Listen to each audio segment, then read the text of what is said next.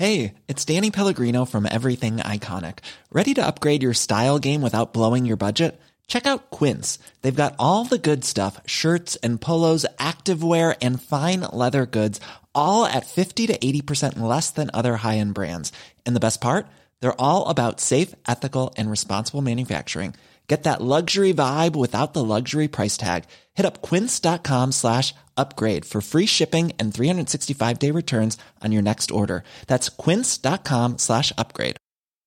Everyone knows therapy is great for solving problems, but getting therapy has its own problems too, like finding the right therapist, fitting into their schedule, and of course, the cost. Well, BetterHelp can solve those problems. It's totally online and built around your schedule. It's surprisingly affordable too. Connect with a credentialed therapist by phone, video, or online chat, all from the comfort of your home. Visit betterhelp.com to learn more and save 10% on your first month. That's BetterHelp H E L P. Wow. Nice. Yeah. What you're hearing are the sounds of people everywhere putting on Bombas socks, underwear, and t-shirts made from absurdly soft materials that feel like plush clouds.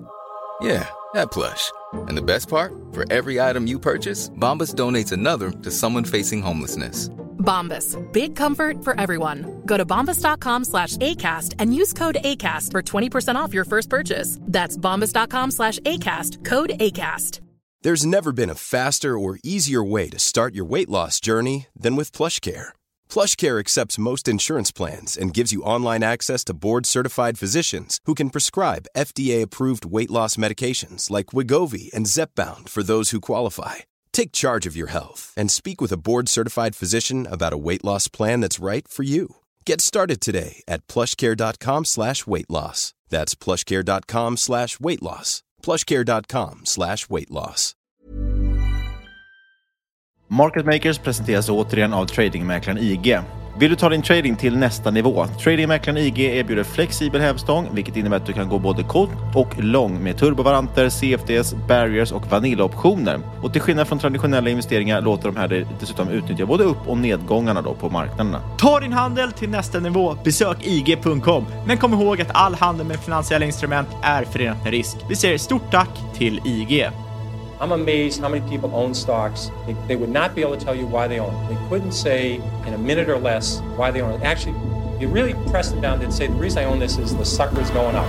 There's enough cash in the financial system, and there's an infinite amount of cash at the Federal Reserve. An infinite amount Put of cash. that check in a money market mutual fund. Then we'll reinvest the earnings into foreign currency accounts with compounding interest, and it's gone.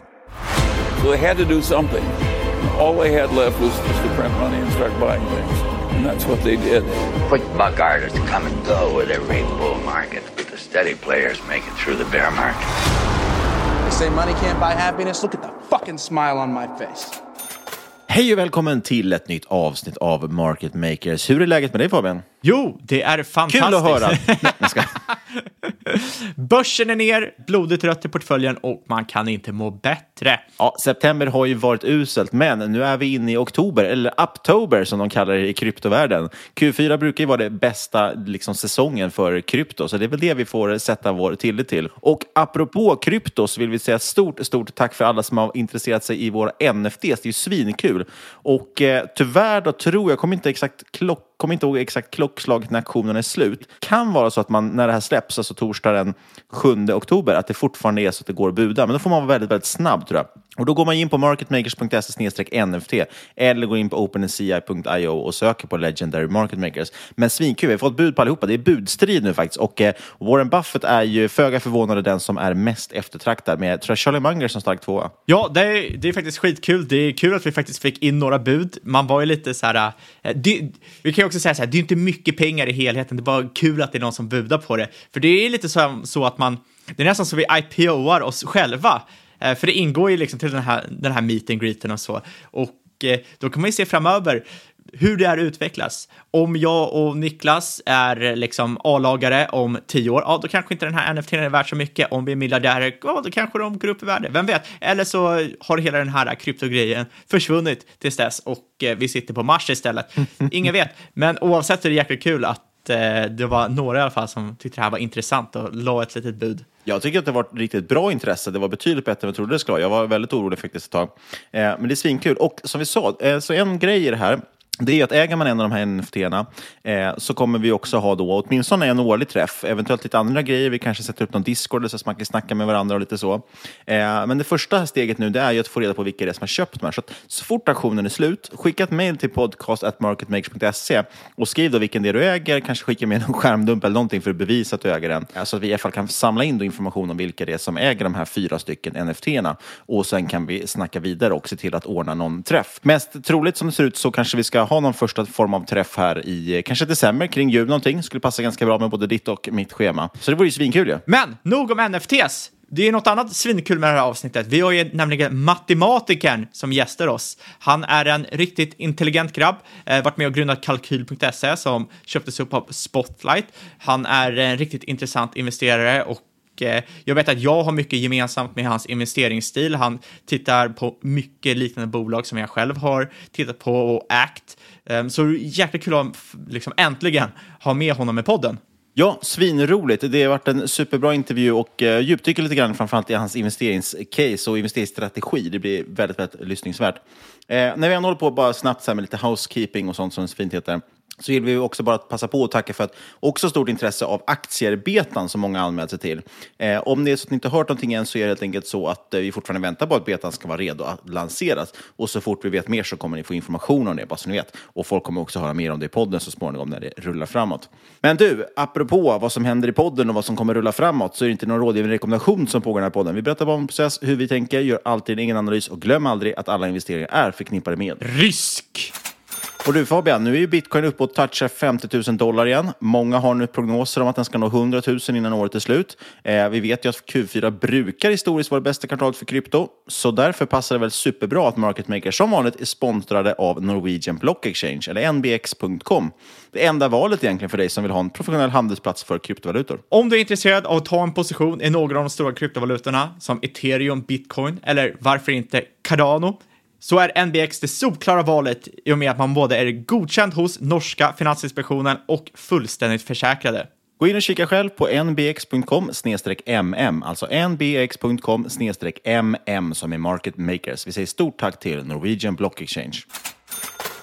Då säger vi välkommen till podden Matematikern som du är känd på som på Twitter. Men eh, vem är du för oss, för de som inte känner till dig? Tack så mycket, kul att vara här. Eh, jag heter Peter, jag är 26 år gammal, jag kommer från Gotland och jobbar nu som analytiker på Kalkyl, där jag är en av tre medgrundare också. På Twitter kallar jag mig själv för matematikern som du sa och jag har en bakgrund som både professionell fotbollsspelare och är idag utbildad företagsekonom också. Under tonåren så representerade jag ungdomslandslaget i fotboll och debuterade i Allsvenskan på Gamla Ullevi i Göteborg när jag var 18 år. Och i den här matchen fick jag då spela sju minuter och det här brukar jag bjuda på och, och kalla mig själv för allsvenskans sämsta spelare genom tiderna, något sånt där. Men jag blev ju tillrättavisad häromdagen faktiskt av min nya VD Peter Gönsi som är VD på, på Spotlight Group. Och han är ju då väldigt fotbollsintresserad och han berättade en liten historia om Peter Luxemburg som hoppade in för Djurgården för många år sedan som spelade bara fyra sekunder. och honom slår jag ju med typ 10 000 procent eller någonting. Så här kändes ju kalasbra för egen del. Hur som helst då så blev ju sessionen för mig i, i Kalmar FF och i Allsvenskan jättekort. Och jag spelade väl i ett och ett halvt år där. Som sagt bara sju minuter i Allsvenskan. Det är bättre än oss i alla fall. Vi har ju spelat noll minuter till, även om man slår ihop våra tider. exakt. Ja, exakt. Ja, men det, det är väl någonting också. Och eh, efter det här då så flyttade jag till Norge och satsade också på att spela fotboll där på heltid. Där gick väl karriären lite neråt skulle man kunna säga. Och jag skiftade lite fokus då eh, mot, mot börsen och aktier och ekonomi skulle man väl kunna säga. Eh, så det var ju under det året kom jag fram till egentligen att jag ville satsa på något annat och det var väl dels på grund av skadebekymmer kan man säga och dels på grund av att jag inte tyckte att jag var tillräckligt bra då för att ha goda chanser att göra en tillräckligt bra karriär för att egentligen motivera att fortsätta satsa så hårt som jag faktiskt gjorde då. Och jag bytte därför inriktning och började studera och är då idag som sagt ekonom. Och precis som många andra investerare såg sin resa börja så föll jag ju då under det året för en, eh, en liksom ganska kass, eller väldigt kass biotech-rek. Eh, så att jag fick en riktig snyting då och förlorade omkring 75% av allt mitt kapital Eh, det är dock alltid intressant att se saker på olika tidshorisonter som ni vet också, inte minst på börsen. Så kortsiktigt var detta väldigt förödande för mig såklart men långsiktigt har det visat sig att det faktiskt var väldigt bra i och med att det resulterade i en väldigt bra lärpeng. Eh, och efter det här nederlaget så snubblade jag också in på finanstwitter och poddvärlden och eh, jag hade väl någon förhoppning om att jag skulle jaga tillbaka det här kapitalet jag hade förlorat. Eh, så det dröjde inte särskilt länge innan jag började investera på nytt och då hade jag en, en viss plan och research bakom de här bolagen jag då valde. Så det här är väl min korta presentation om liksom hur jag kom till börsen och, och lite kort om mig själv då. Men eh, vi, vi backar där lite grann. Du sa att du varit intresserad. Alltså på vilket sätt kom du in på aktier? Var, varför var du intresserad? Var det bara den här reken, att någon som lockade med snabba pengar eller var det något annat du såg också? Det var ingen i din närhet eller så som är intresserad? Alltså jag, jag hade väl folk i min närhet som var intresserade men de kunde ju ingenting och det var ju det som var problemet. Så att eh, då, fick jag ju en rek och ja, som sagt initialt förlorade väldigt mycket kapital. Men jag, jag, utvecklade väl det intresset i samband med det skulle jag väl säga och började som sagt läsa till exempel på Twitter och lyssna poddar. Eh, och sen växte det bara exponentiellt egentligen hela tiden mitt, mitt intresse. Men den här äh, förlusten då ledde ju till slut till kalkyl.se. V vad är kalkyl.se? Skulle du kunna gå in lite på det? Kalkyl är ju ett analysbolag som numera är ett helägt dotterbolag i finanskoncernen Spotlight Group Eh, Eh, vi bevakar då primärt mindre svenska och nordiska bolag och det är ofta i samband med en nyemission, en notering eller kanske bara för att öka medvetandet om bolaget. Och vårt syfte grundas i att göra investeringsuppslag mer tillgängliga för gemene man. Kalkyl har varit aktivt i ganska exakt ett år och på den tiden har vi publicerat cirka 60 bolagsanalyser varav 45 är skrivna av oss som driver bolaget och resterande 15 är skrivna av våra gästskribenter. Och vi är tre grundare till bolaget och det är vi tre som är aktiva idag plus en nytillträdd VD också som heter David Urner. Som ni kanske känner till, han startade ju Finanspodden, var ganska tidig liksom på att podda just inom finans. Och grundarna är då jag, Peter och sen så är det Oliver och Pontus också som twittrar under pseudonymerna Professor Kalkyl och Carl Philip Silversköld. Och jag gissar väl att många redan har koll på de här två men eh, för att presentera dem kort så håller de till i Varberg respektive Kalmar. Eh, de är i samma ålder som jag. Oliver jobbar parallellt på ett annat bolag också som heter Quarter. Kan vara kul att känna till. De har ju figurerat bland annat här som sponsorpodden och en, eh, generellt en väldigt bra produkt som man ska kika Absolut, absolut, det ska man definitivt göra. Men ja, om kalkyl då. Det vi gör annorlunda är att vi vill förenkla investeringsidéer i den mån det går. Och detta gör vi dels genom att skriva lite mer informellt så att en större grupp investerare ska kunna ta till sig informationen och huvudsakligen också förstå den. Det är liksom vårt primära syfte kan man säga. Eh, och vi tycker att investeringar är någonting som är individuellt och därför ställer vi oss också lite skeptiska till att någon som kanske inte riktigt begriper ett bolag eller en värdering av ett bolag eller en uppdragsanalys väljer att trycka på köpknappen för att analytiker X på bolag Y tycker att bolaget ska upp 20 Eh, och vi tycker snarare att då investeringar kanske är en konstform och att huruvida det är köpvärt eller inte, det kanske man borde slussa över också till, till läsaren själv. Så därför då formulerar ju vi vårt uppdrag som att det ska, vi ska presentera ett bolags affärsidé på ett rättvist sätt då. Samtidigt som vi ger vår syn på för och nackdelar kring framtiden och, och på värderingen. Men vi sätter inget exakt värde då kan man säga. Vad är, vad är planerna för kalkyl nu då? Vad är fram, liksom, framtidsplanen här nu kommande året och fem åren till exempel? Ja, precis. Och ni vart ju förvärvade också av eh, Spotlight Group där också. Det vore intressant att höra om hur det, hur det kommer påverka er resa framåt. Jag vill sätta det i, i huvudfokus, det som har varit kalkyls kärna innan. Att vi vill förenkla investeringsuppslag. Och det grundas också lite i att vi tycker att produkten inte nödvändigtvis behöver vara bättre för att den är längre. Jag menar en, en analys och slutsats för till exempel Apples framtid avgörs knappast av hur iPad säljer i Sydamerika till exempel. Precis som att Amazons framtid inte avgörs av hur många Alexa-enheter de säljer. Så vi försöker hitta de mest värdeskapande variablerna och förklara dem samtidigt som vi försöker filtrera bort brus då och göra det lite mindre. Så det är väl egentligen målgruppen som är lite mer retail och vi gör det lite mer avskalat och det här vill vi då bygga ett community kring framåt. Så vi vill liksom fortsätta på spåret med gästskribenter så att man kan, man kan liksom göra det lite i form av gig-ekonomi har vi tänkt till exempel. Så vi, satsningen kommer ske mot ett community. Det är väl det jag kan säga idag. Jag kan ju bara kort notera det för lyssnarna att vi, våran eh, podd läggs ju upp på kalkyl.se också faktiskt, så att det ska bli sökbart. Vi gillar ju liksom ert koncept och, och har, tycker att vi, vi tänker ganska liknande. Vi har ju också den typen av analyser kan man säga på bolag eh, i podden. Så att alla analyser faktiskt finns även tillgängliga där, vilket vi uppmuntrar till. Ska man söka efter information på bolag kan man ju söka på kalkyl.se, hittar man både om vi har poddat om det och om ni har skrivit om det. Sen har ju också de enda pengarna vi faktiskt har lagt på marketing, det är faktiskt till er. Alltså våra analyser har ju varit med i, i er podd. Och det här gjorde ju nästan att vi blev ruinerade med tanke på hur dyra ni är. och då har ni ändå det bästa priset av alla vi har jobbat med. Exakt. Ja, men ska vi hoppa in på lite investeringssnack, kanske lite mera om din investeringsstrategi? Absolut. Ja, precis. Hur investerar du idag? Jag vet att du till exempel sitter på ganska mycket stora bolag, det är ganska mycket utländska bolag. Vad är liksom, hur, hur, hur, gick det här, hur gick resan från det här kraschade medtechbolaget fram till den portfölj du har idag? Eh, jag investerar i tillväxtbolag vars ledningar har stort insiderägande och ofta även är grundare. Eh, där bolagets affärsmodell kommer vara starkare oberoende av vilken tidshorisont jag tittar på och bolag som jag upplever är lättare att förstå sig på också. De här bolagen tenderar att rida på digitaliseringen, växa snabbt på stora marknader och ha stor marknadsandel. Och jag ser mig själv som en fundamental analytiker och tittar till exempel ingenting på makro de bästa bolagen som finns tycker jag då har eh, hög tillväxt, hög ROIC över lång tid till låg risk om man egentligen ska sammanfatta det till en mening. Eh, och det är egentligen kortfattat vad jag då tycker att ett superbolag faktiskt har för egenskaper. Det vill säga en kompott av magnituden i värdeskapandet under hur lång tid det sker och till vilken risk. Så hur åstadkommer ett bolag det här? Alla bolag jag investerar i har ett antal kriterier för att passera det jag brukar benämna som ett filter. Bolaget behöver inte skåra högst på alla kriterier men jag vill kunna resonera och svara liksom på runt alla kriterier och liksom tänka och bilda slutsatser åtminstone. Eh, de här är då hög omsättningstillväxt, hög ROIC, starka konkurrensfördelar och jag gillar även när både omsättningstillväxt och ROIC och marknadsandel är högt i förhållande till eh, konkurrenter. Jag äger gärna bolag med, med liksom monopol eller oligopolställningar. Eh, och fyra då så är eh, är det viktigt att affärsmodellen ska kunna växa till väldigt stor storlek, det vill säga marknaden och återinvesteringsmöjligheterna ska vara väldigt stora tycker jag. Affärsmodellen ska vara hållbar över tid, helst över flera decennier.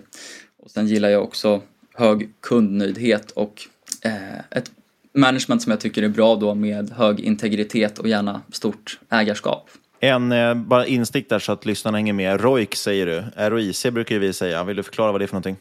Ja, det är då hög avkastning på investerat kapital som då är return on invested capital. Eh, och det är en variabel som jag tycker är viktig då den egentligen mäter kapitaleffektiviteten i ett bolag. Tillväxt kan ju faktiskt vara värdeförstörande till exempel om bolagets kapitalkostnad är högre än ROIC och därför kan man inte stirra blint på tillväxt tycker jag. Ett bolag ska ju kunna växa hur mycket som helst. Men om allt finansieras via emissioner eller via ny liksom, skuldupptagning så är den här tillväxten kanske inte så värdeskapande trots allt. Och det tycker jag är viktigt att liksom förstå hur tillväxten skapas. Och för att ta ett exempel så kan ju ett bolag som lånar till 1% Eh, kan ju förvärva ett bolag till P 99 och öka sin EPS.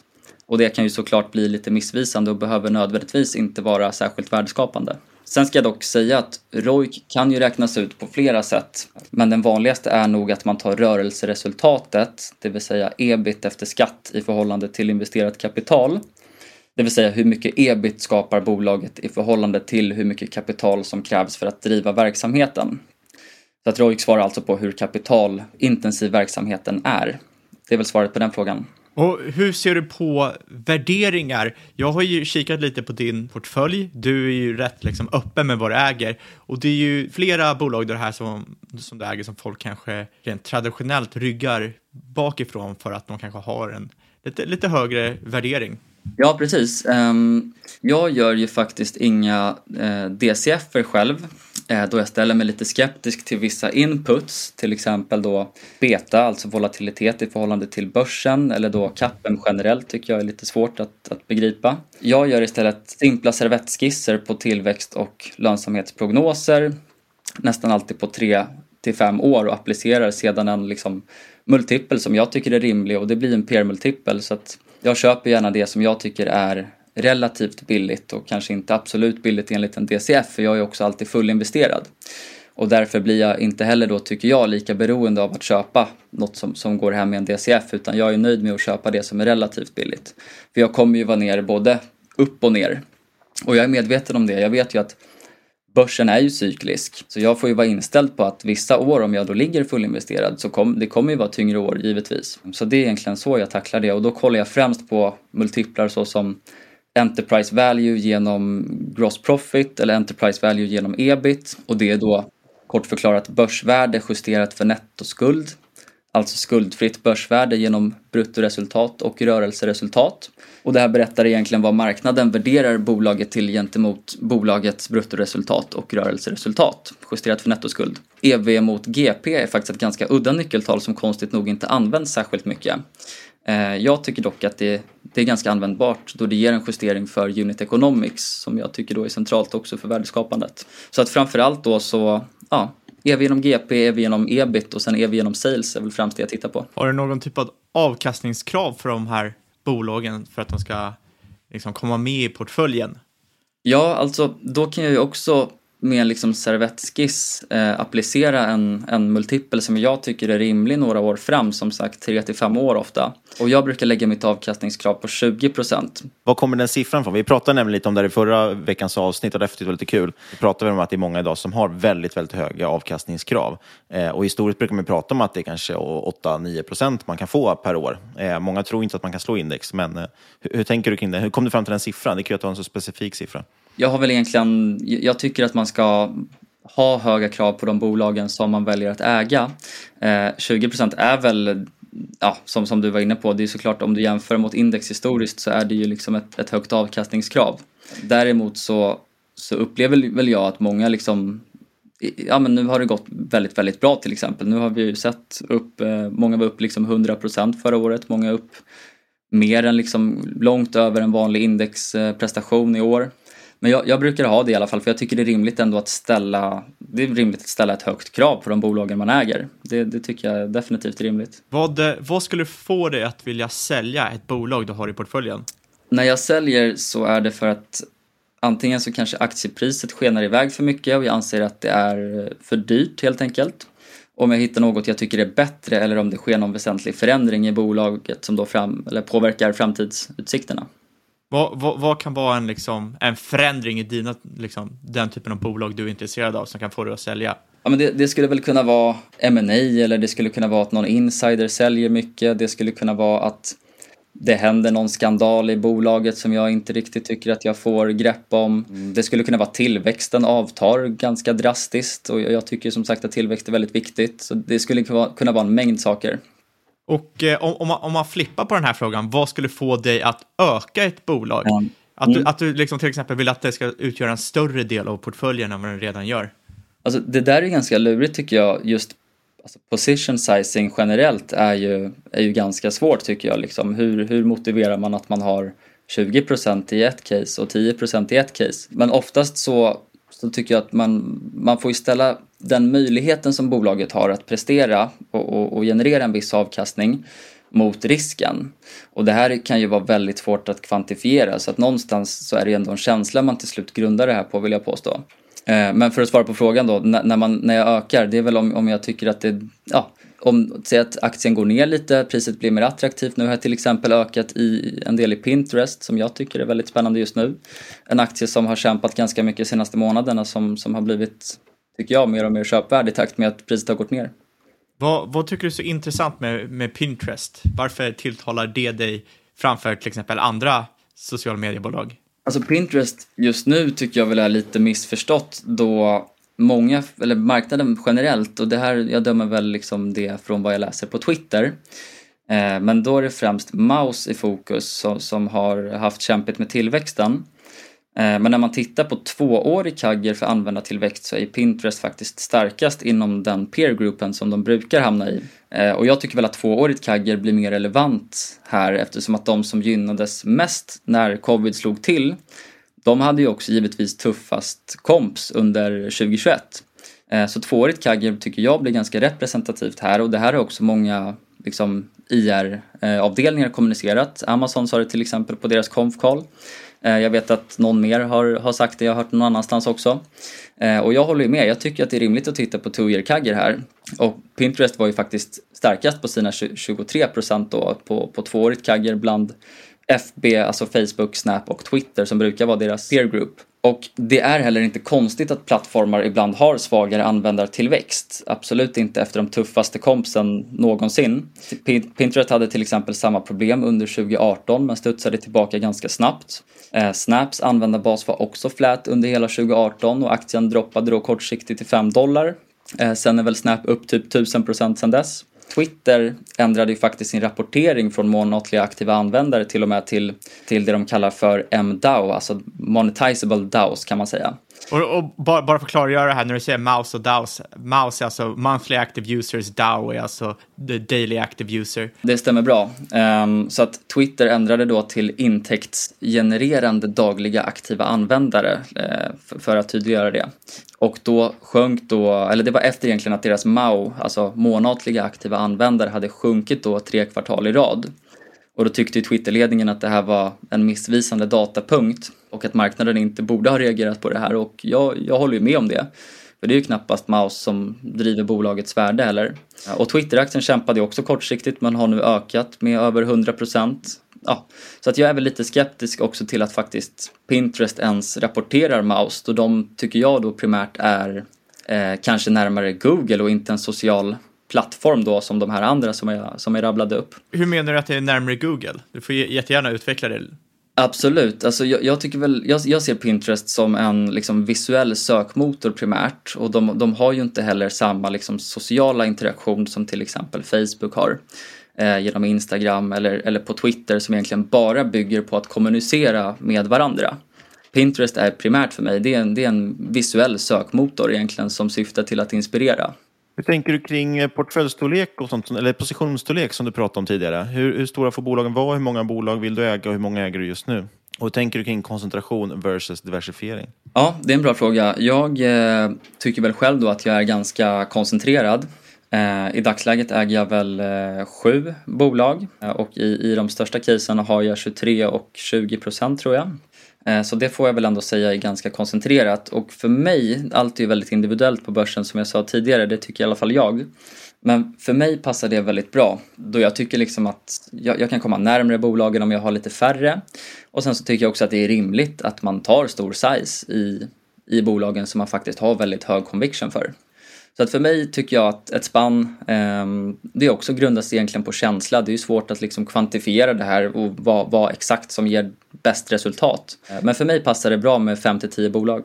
Vad använder du för process för att hitta nya case? Du har redan gått in liksom lite på vad, vad, vad som skulle få dig att investera, men hur hittar du det som du vill investera i? Det är väl främst via finanstwitter och via podcast skulle jag säga. Där får jag nästan all min inspiration. Så att jag sätter mig ganska sällan själv och liksom screenar fram ett bolag. Och oftast är det som sagt via, ja, via det eller någon kontakt. Eh, Oliver, professor kalkyl, pitchar en hel del. Han, han letar nog lite oftare än vad jag gör. Eh, så att ofta kan jag liksom få ett, ett meddelande om något spännande som han har hittat och så kan vi diskutera det liksom. Men till en absolut majoritet så är det Twitter och poddar fick faktiskt en fråga om det på, från Twitter. Just apropå att ni bollar case med varandra förstås. Eh, men vilket case har ni bråkat mest om på kalkyl? Eller vilket är ni mest oense om? Ja, jag läste den frågan innan och jag tror att det måste vara något av Silverskölds case. Han är lite mer medtech-fokuserad. Exakt. Eh, han äger väl nästan bara medtech tror jag, förutom, förutom Evo kanske. Men jag och Oliver, vi, vi är inte kritiska till bolaget ska jag säga, alltså jag och professor Kalkyl. Vi gillar väl dock att utmana Pontus i att förklara liksom hur, han, hur han räknar hem det här och vi har ju sagt typ Pontus, eh, Kemo handlas nu till 70 gånger försäljningen. Eh, vad, vad skissar du på för tillväxt här? Och då brukar vi inte nöja oss med ja, men att Pontus svarar typ eh, att han inte är rädd för värderingsrisk eller något liknande och så sitter han och, och, och drar caset för oss och vi kanske inte är lika insatta heller som honom och begriper allting. Eh, så att efter det så brukar väl diskussionen bli ganska intensiv i några minuter och sen konstaterar vi bara att allt är individuellt, lite så. Vi brukar ha lite jargong mot varandra också, det, det, är inte så att vi bråkar om det. Som exempel på det också så Silver är ju lite nojig nu inför kommande bilköp. Och då försökte jag ju lugna honom med att säga att bilen faktiskt kan bli en jäkligt bra investering med tanke på att hans, eh, hans extremt övervärderade portfölj, det är ju ändå hans alternativkostnad. så att, så att det, bilen kan ju bli riktigt bra, tänker jag. Jag tänkte hoppa tillbaka till en punkt där, så du nämnde ett antal faktorer som du vill se i bolag och en av dem var högt insiderägande, gärna med grundaren kvar i bolaget. Varför är det så? Eller är det bara en, en kvarleva att det är så många av de här intressanta bolagen har sett ut från Silicon Valley till exempel? Nej, men jag, jag tycker väl ändå att eh, det skapar mycket förtroende, det här med pilotskolan, att, att eh, en VD sit, sitter i samma båt som, eh, eller ledningen generellt då, sitter i samma båt som aktieägarna. Eh, och det eh, kan man ju också kvantitativt styrka. Det, det går liksom att liksom applicera på fonder också, att, att fondförvaltare och även då bolag som har ledningar med högt skin in the game, att de presterar bättre. Så jag, jag, för mig är det ett av de absolut viktigaste nyckeltalen faktiskt. Och där ska jag säga också, något som kanske är mest talande, det är ju också att ställa det i relation till personen i frågas totala ekonomi. För det, det kanske inte säger jättemycket om, om en VD äger för 200 miljoner och ökar med, med 2 miljoner. Då kanske inte det säger jättemycket, men om man vet om liksom hur mycket han faktiskt äger, eller hon då, i förhållande till total ekonomi, eh, då tycker jag ändå man kan dra mycket slutsatser av det. Sen kan det som sagt vara ganska svårt att få fram, men, men får man fram det så är det ett nyckeltal som säger otroligt mycket tycker jag. Berätta lite där om Pinterest. Jag vet ju att du har lite mer utländska bolag i portföljen. Hur kommer det sig att du kikar så mycket på liksom, utländska bolag kontra Sverige och våra inhemska bolag? För mig spelar det ingen större roll om bolaget befinner sig i, liksom, i Norden eller USA. Eh, anledningen till att jag har en stor del av portföljen i, i USA eller i liksom andra länder är väl helt enkelt för att jag tycker att jag hittar de bästa bolagen där. Eh, sen är ju geografi någonting som, som är ganska intressant att, att diskutera idag. Eh, det som till exempel äger Evolution, de får ju knappast mest exponering mot Sverige eller Norden. Eh, det är bara att de är noterade där.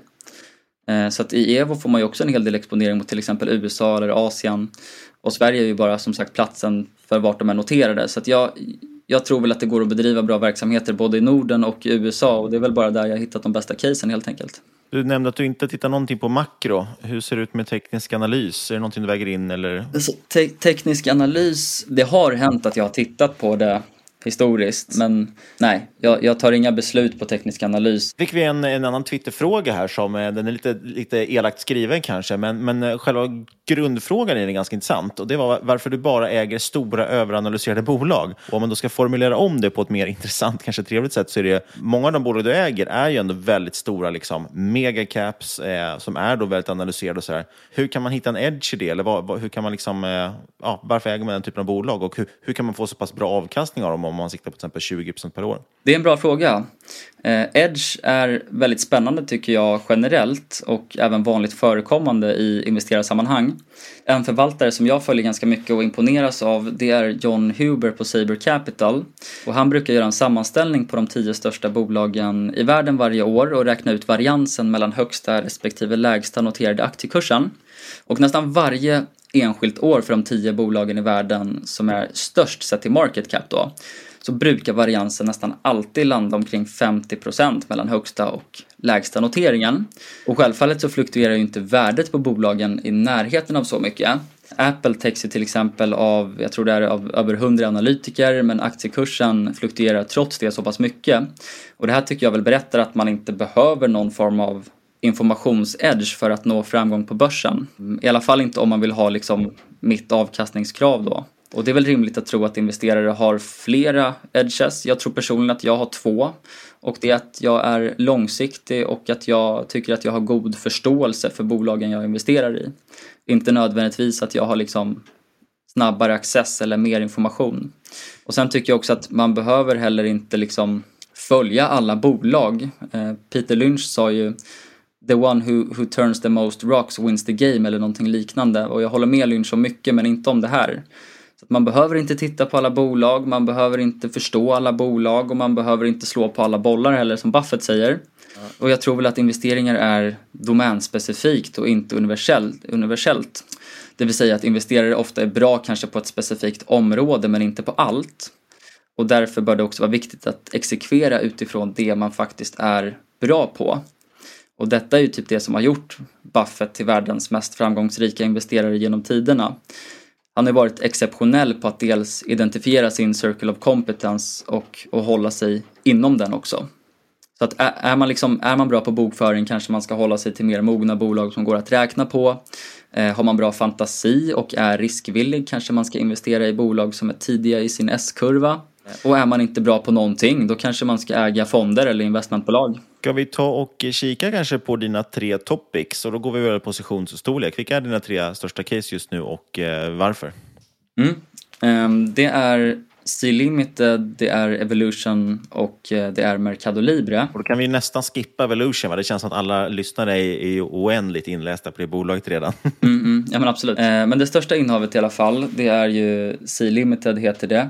Och bolaget opererar precis som namnet antyder i eh, Sydostasien. Eh, C står nämligen för Southeast Asia. Väldigt påhittigt namn där. Ja, eller hur? Det är extremt kreativt. Eh, men de har tre väldigt spännande affärsområden. Och störst inom bolaget är gaming och e-handel som står för nästan hela omsättningen idag. Och vidare driver man en fintech som växer väldigt snabbt.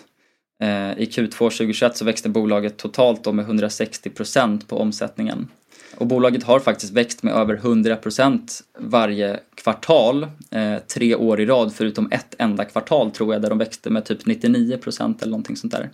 Eh, de är inte lönsamma idag, däremot är alla segment som de opererar i bevisligen väldigt lönsamma i andra regioner och det är det här jag tycker är så himla spännande. Eh, och då hos bolag inom samma segment som är då i ett lite senare skede och lite mer mogna. Eh, både marginalerna och då ehm, Omsättningen ökar då väldigt, väldigt snabbt. Eh, och jag antar ju då att underliggande ROIC här kan bli väldigt, väldigt bra givet liksom att man tittar på peers som är mer mogna. Så vet man att liksom third party sales, alltså e-handelsmarknadsplatser och även fintech och gaming, det finns lönsamhet i de branscherna. Och bolaget är ju uppenbarligen otroligt duktiga på att exekvera, så på bara några år har man ju då eh, cementerat egentligen eh, första platsen i, i typ alla betydande marknader som de opererar i för, för e-handelsbenet. Jag tror att man är två i Indonesien bakom en konkurrent som heter Tokopedia men där är man också på väg mot första platsen. Och de har också expanderat väldigt framgångsrikt till, till Latinamerika. Och då kan vi väl hoppa in lite på, bara för att vi hoppar in på, på Latinamerika, men Mercado Libre i alla fall. Det är ju ett, ett liknande bolag som C-Limited de har ingen exponering mot gaming men de har då e-handel plus, plus fintech. De är lite större inom fintech och har då en tredjedel ungefär av omsättningen av, av liksom, alltså finansiell teknologi, alltså digital banking och digitala betalningar. Men mycket av det jag tycker är spännande här det är också att e-handel växer ju globalt och liksom överallt och växer fortfarande väldigt snabbt. Eh, och det utgör fortsatt bara 15-20% av all retail och jag tycker också att värdeerbjudandet här är väldigt tydligt då man erbjuder lägre priser, större utbud och mer tillgänglighet. Eh, alltså att man kan shoppa när som helst och var som helst egentligen. Och jag tycker också att allt det här är väldigt lätt att begripa och sen gillar jag ju det här att, att de har närmare liksom oligopol slash monopolställningar. Eh, det vill säga att de har väldigt stor marknadsandel. Och sen har historiskt också e-handel varit ett bra hem för optionalitet. Till exempel som att Amazon blev AVS och Mercado Libre blev Mercado Pago, alltså deras Fintechben, C-Limited blev C-Money, Alibaba blev Ant Financial, eh, JD, JD blev JD Logistics och så vidare. Och det som jag tycker är så spännande med, med C-Limited också det är att de har ju medvetet liksom benchmarkat sig till det här. Alltså de, de, när de utformade vilka, vilka ben de ville egentligen eh, bedriva affärer i så tittade de ju på Kina och tänkte då att eh, vilka affärsben kan bli absolut störst och mest lönsamma. Så att ambitionen och ribban sattes ju väldigt, väldigt högt från start. Och sen applicerade de det i liksom en, en region som kanske då är mest spännande globalt sett i tillväxt kommande liksom 10-15 åren, det vill säga Sydostasien då. Och eh, jag tänker som sagt, vi hoppar Evolution, så vilket är nummer fyra då? Kan vi gå in på kanske? Nummer fyra idag är eh, Pinterest och det är ett bolag som primärt då vill eh, bidra med liksom inspiration. Så det, det, är liksom som en, en plattform kan man säga som, eh, där de primärt säljer ads. Eh, peergroupen brukar ju normalt sett vara Facebook, Twitter och Snap. Och det de egentligen gör det är att de, de skiljer sig lite för att den sociala interaktionen är inte lika stor som till exempel för ett Instagram.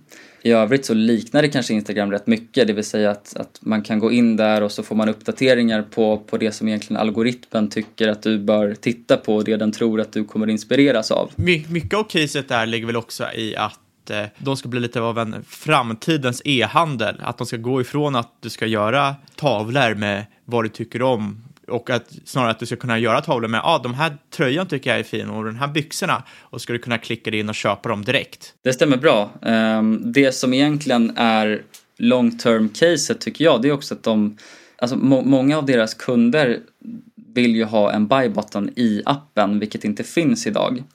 Men jag tror att liksom, kan man integrera det och få hela lösningen hos Pinterest så, så, tror jag att det kan bli en, en helt fantastisk upplevelse för, som du är inne på, då, social commerce.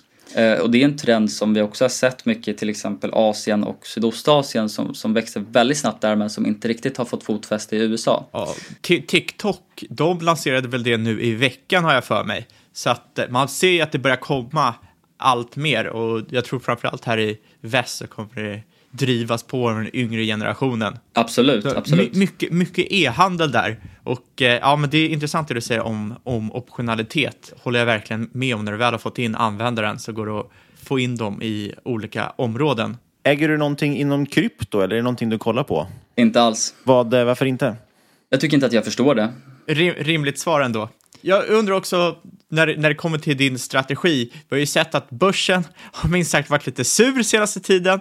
Eh, hur hanterar du sådana här uh, perioder då man öppnar upp portföljen och bara blöder rött? Precis, har du några bra tips där för nybörjare kanske som inte är vana vid att det går ner? Vad, vad ska de ta med sig nu när de sitter på Embracer som har halverats? Uh, jag, jag är väl ganska faktiskt, det kanske låter kaxigt, men hyfsat likgiltig till det och det är ju för att jag är så bestämd med att jag alltid är fullinvesterad.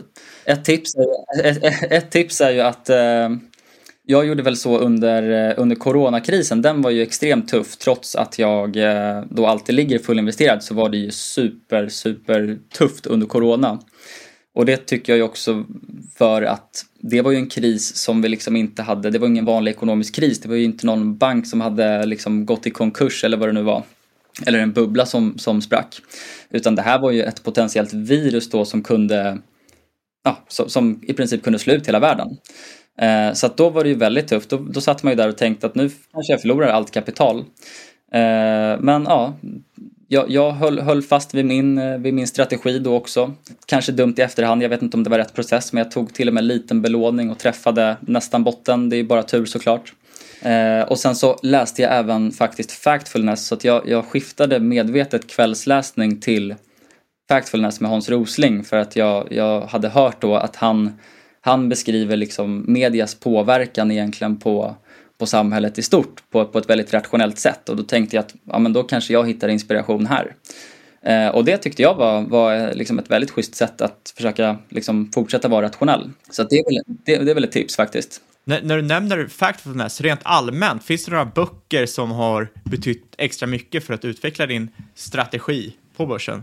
Mm, det, det, ändras väl lite hela tiden desto mer jag läser vill jag påstå, men, men en bok jag eh, tycker är extremt bra det är ju One Up on Wall Street med Peter Lynch. Han liksom skalar ju av aktiemarknaden fullständigt och, och menar att det behöver inte vara så komplicerat som, som folk vill hävda att det är att, att investera.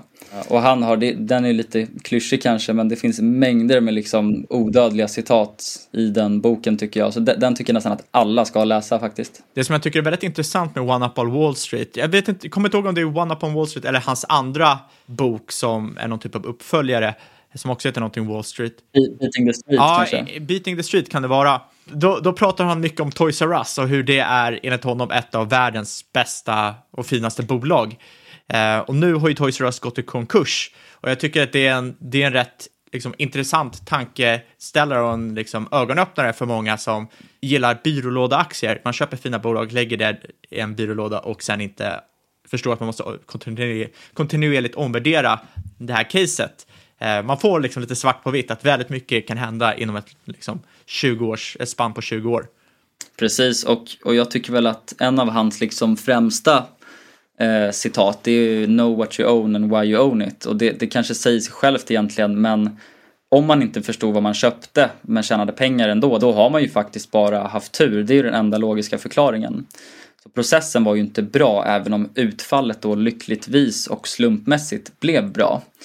Eh, och jag tror väl att alla smarta investeringsbeslut har en gemensam nämnare och det är ju att man förstod vad man köpte helt enkelt.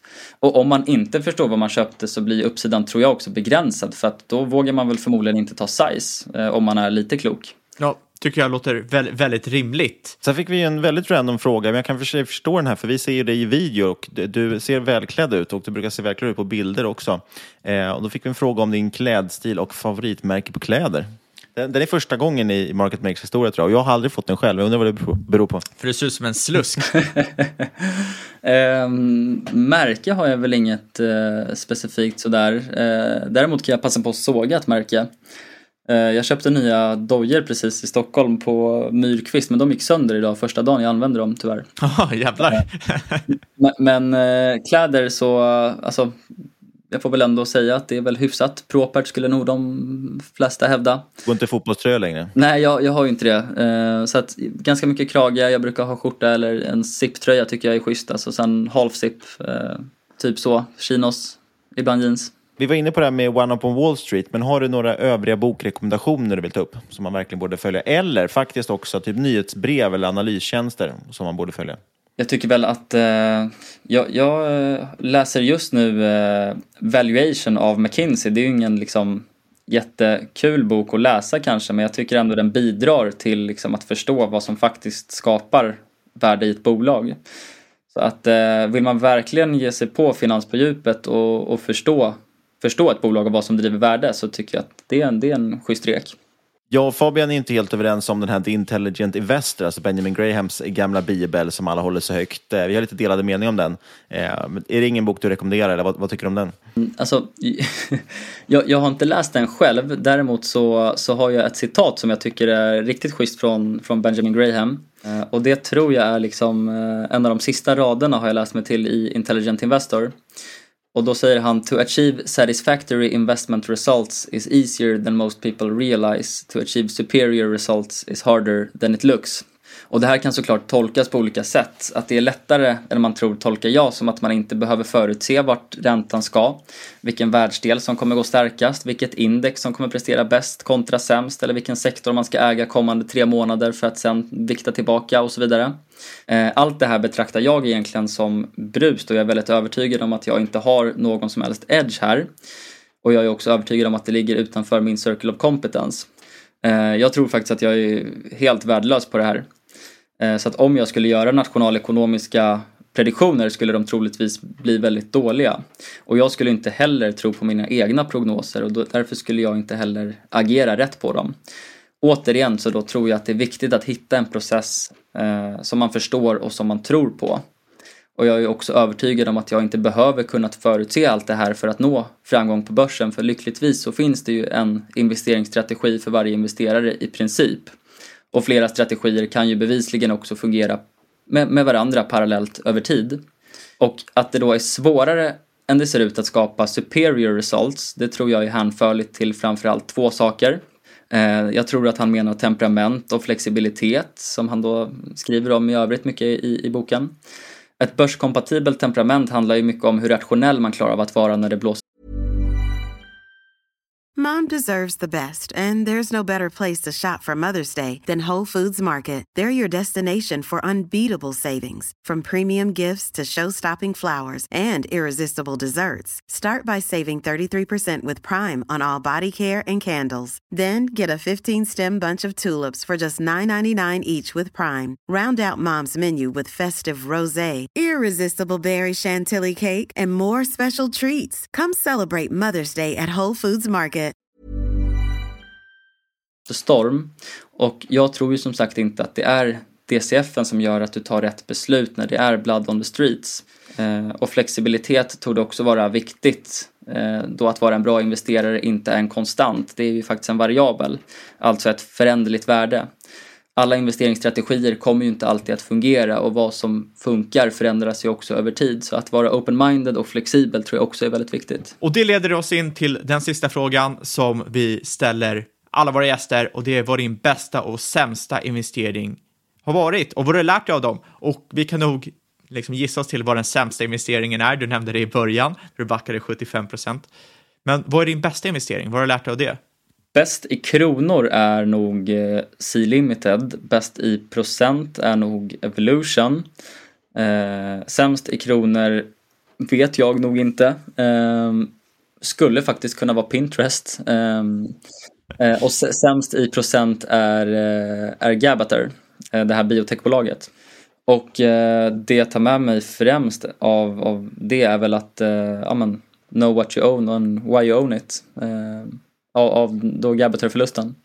Och av, av de som har gått bra så är det väl att, ja, jag tycker fort, fortsatt att det blir ganska centralt om man tittar på just Limited och Evo att att tillväxt och även då ROIK driver långsiktigt värde. Evo är väl kanske praktexemplaret av det man vill se i ett bolag, det vill säga ett bolag som kan växa väldigt, väldigt mycket, väldigt, väldigt länge eh, och, och göra det med, med liksom väldigt hög ROIK, eh, alltså och, och göra det med hög lönsamhet. Eh, och där har man ju då det extrema gapet som de har till sina konkurrenter och tacka för det mycket. Så att ja, det har ju inte bara såklart att göra med att Evolution är ett liksom fantastiskt bolag, även om, om det såklart är det. Men, men man har ju en liksom extremt tacksam konkurrenssituation som också möjliggör att de kan tjäna så pass mycket pengar som de gör. Grymt! Tack så mycket för att du har gästat. Vad följer man dig om man vill följa dig? Du har redan hintat på det. Att matematiken 3 heter jag på, du, du på Twitter Niklas. och uh, kalkyl. Vi vill påminna att inget av den här podcasten ska ses som rådgivning. Alla åsikter var egna. LVS och eventuella sponsorer tar inget ansvar för det som sägs i podden. Tänk på att alla investeringar är förknippade med risk och sker under eget ansvar. Vi vill rikta ett stort tack till dagens sponsorer. IG.com, och NBX. Och såklart ett ännu större tack kanske till matematikern som gästar oss i podden. Svinkul att ha med. Vi hoppas att ni tyckte det också. Och vill ni ge förslag på nya gäster eller vad det än kan vara, innehåll till podden eller har några andra frågor, kontakta oss jättegärna på podcast.marketmakers.se eller på Twitter att marketmakerspod. Lämna också jättegärna en recension på iTunes, men bara om den är fem stjärnor, annars kan ni faktiskt hålla det för er själva. Sist men absolut inte minst, stort tack för att du har lyssnat, kära lyssnare. Vi hörs igen om en vecka.